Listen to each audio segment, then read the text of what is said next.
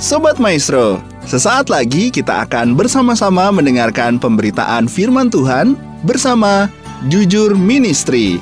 Selamat mendengarkan.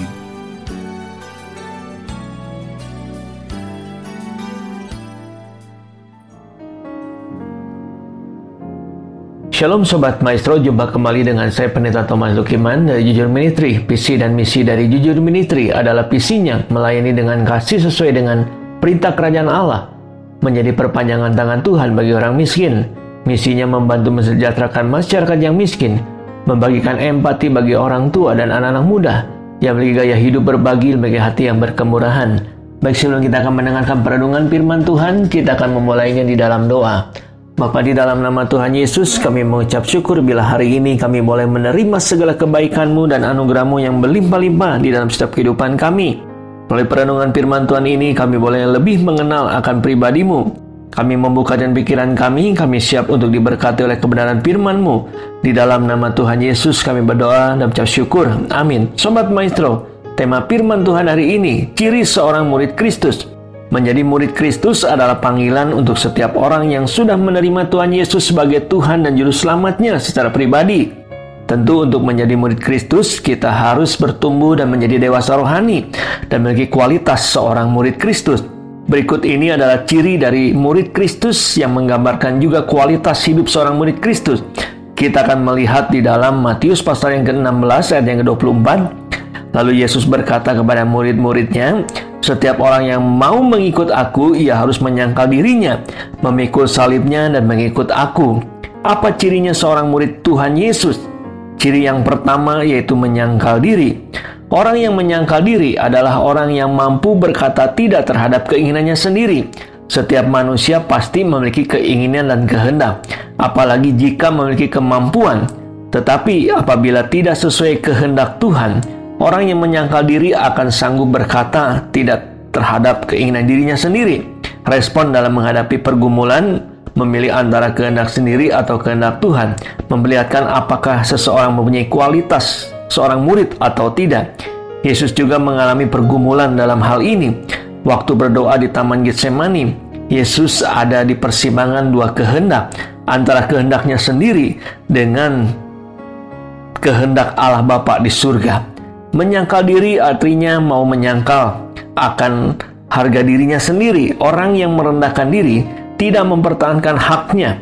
Yesus memberi teladan merendahkan diri dengan turun dari surga menjadi manusia, memilih lahir di tempat yang paling rendah dan mati dengan cara disalib yang merupakan hukuman yang paling tidak layak bagi manusia. Di dunia, manusia berlomba-lomba mencari tempat yang tinggi seperti mencari jabatan dan nama. Saat murid Yesus mulai mempermasalahkan tempat di sebelah Tuhan Yesus, justru dampaknya adalah pertengkaran di antara murid-murid. Menyangkal diri artinya mau menyangkal akan keegoisannya sendiri. Orang yang tidak layak memikirkan kepentingannya sendiri, tapi memikirkan kepentingan orang lain.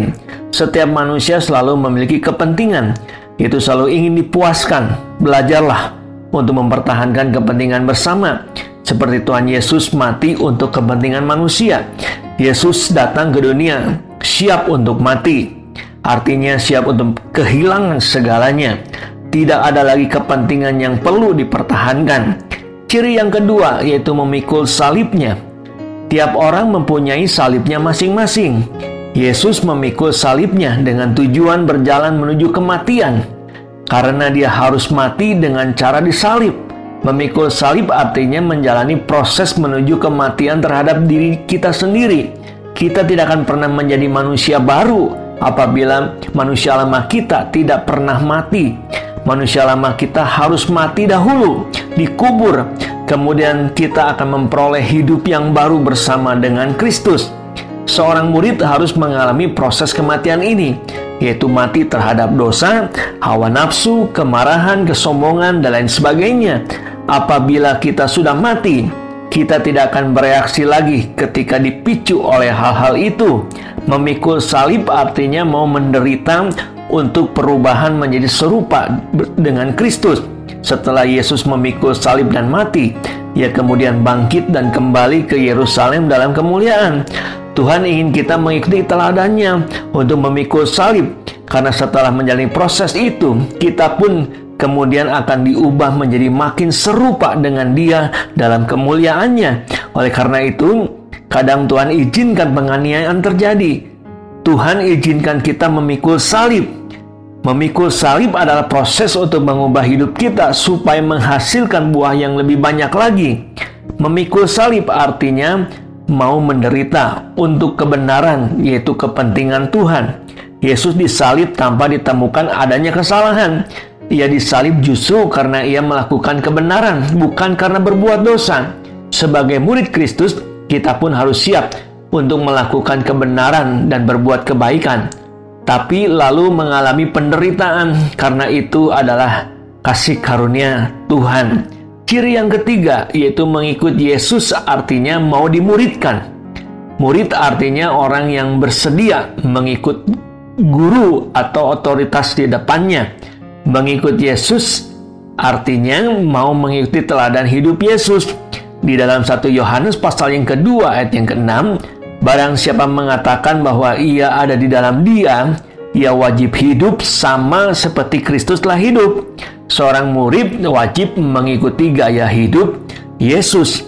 Buatlah perbandingan antara bagaimana merespon kita dengan respon Yesus dalam menyikapi segala sesuatu.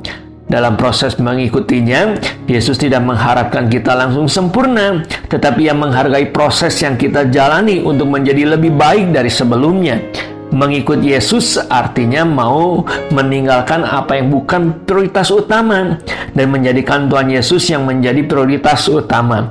Ketika Petrus mendengar Yesus memanggilnya, ia langsung meninggalkan perahu dan segalanya untuk mengikuti dia. Petrus menjadikan Yesus sebagai prioritas yang utama. Tetapi ada respon yang berbeda mengenai panggilan Yesus yaitu di dalam Lukas pasal yang ke-9 ayat yang ke-59 sampai 62. Lalu ia berkata kepada seorang lain, "Ikutlah aku." Tetapi orang itu berkata, "Izinkanlah aku pergi dahulu menguburkan bapakku." Tetapi Yesus berkata kepadanya, "Biarlah orang mati menguburkan orang mati, tetapi engkau pergilah dan beritakanlah kerajaan Allah di mana-mana." Dan seorang lain lagi berkata, Aku akan mengikut engkau Tuhan, tetapi izinkan aku pamitan dahulu dengan keluargaku. Tetapi Yesus berkata, setiap orang yang siap untuk membajak, tetapi menoleh ke belakang, tidak layak untuk kerajaan Allah. Ini orang yang dipanggil Yesus mempunyai respon berbeda dengan Petrus. Sebenarnya, ia mau dan bersedia mengikuti Yesus, tetapi salah mengatur prioritasnya sebagai murid Kristus, kita harus belajar menempatkan Tuhan sebagai prioritas yang utama dalam hidup kita.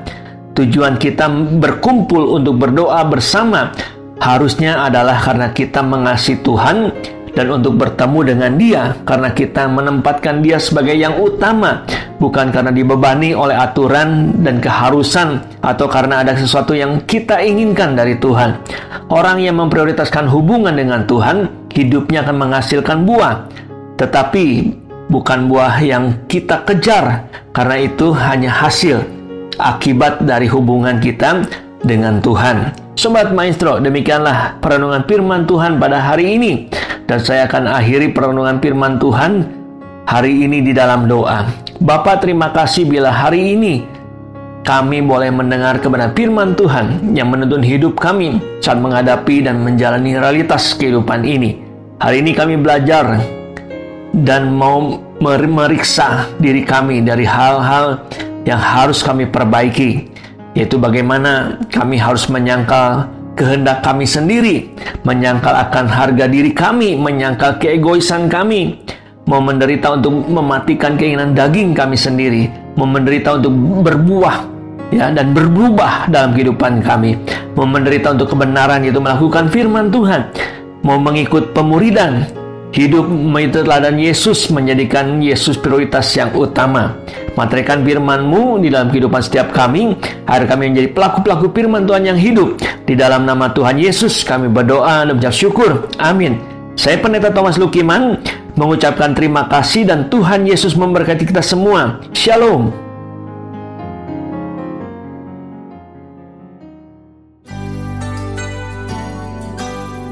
Sobat Maestro, kita baru saja mendengarkan pemberitaan firman Tuhan bersama Jujur Ministry. Terima kasih atas kebersamaan Anda. Tuhan Yesus memberkati.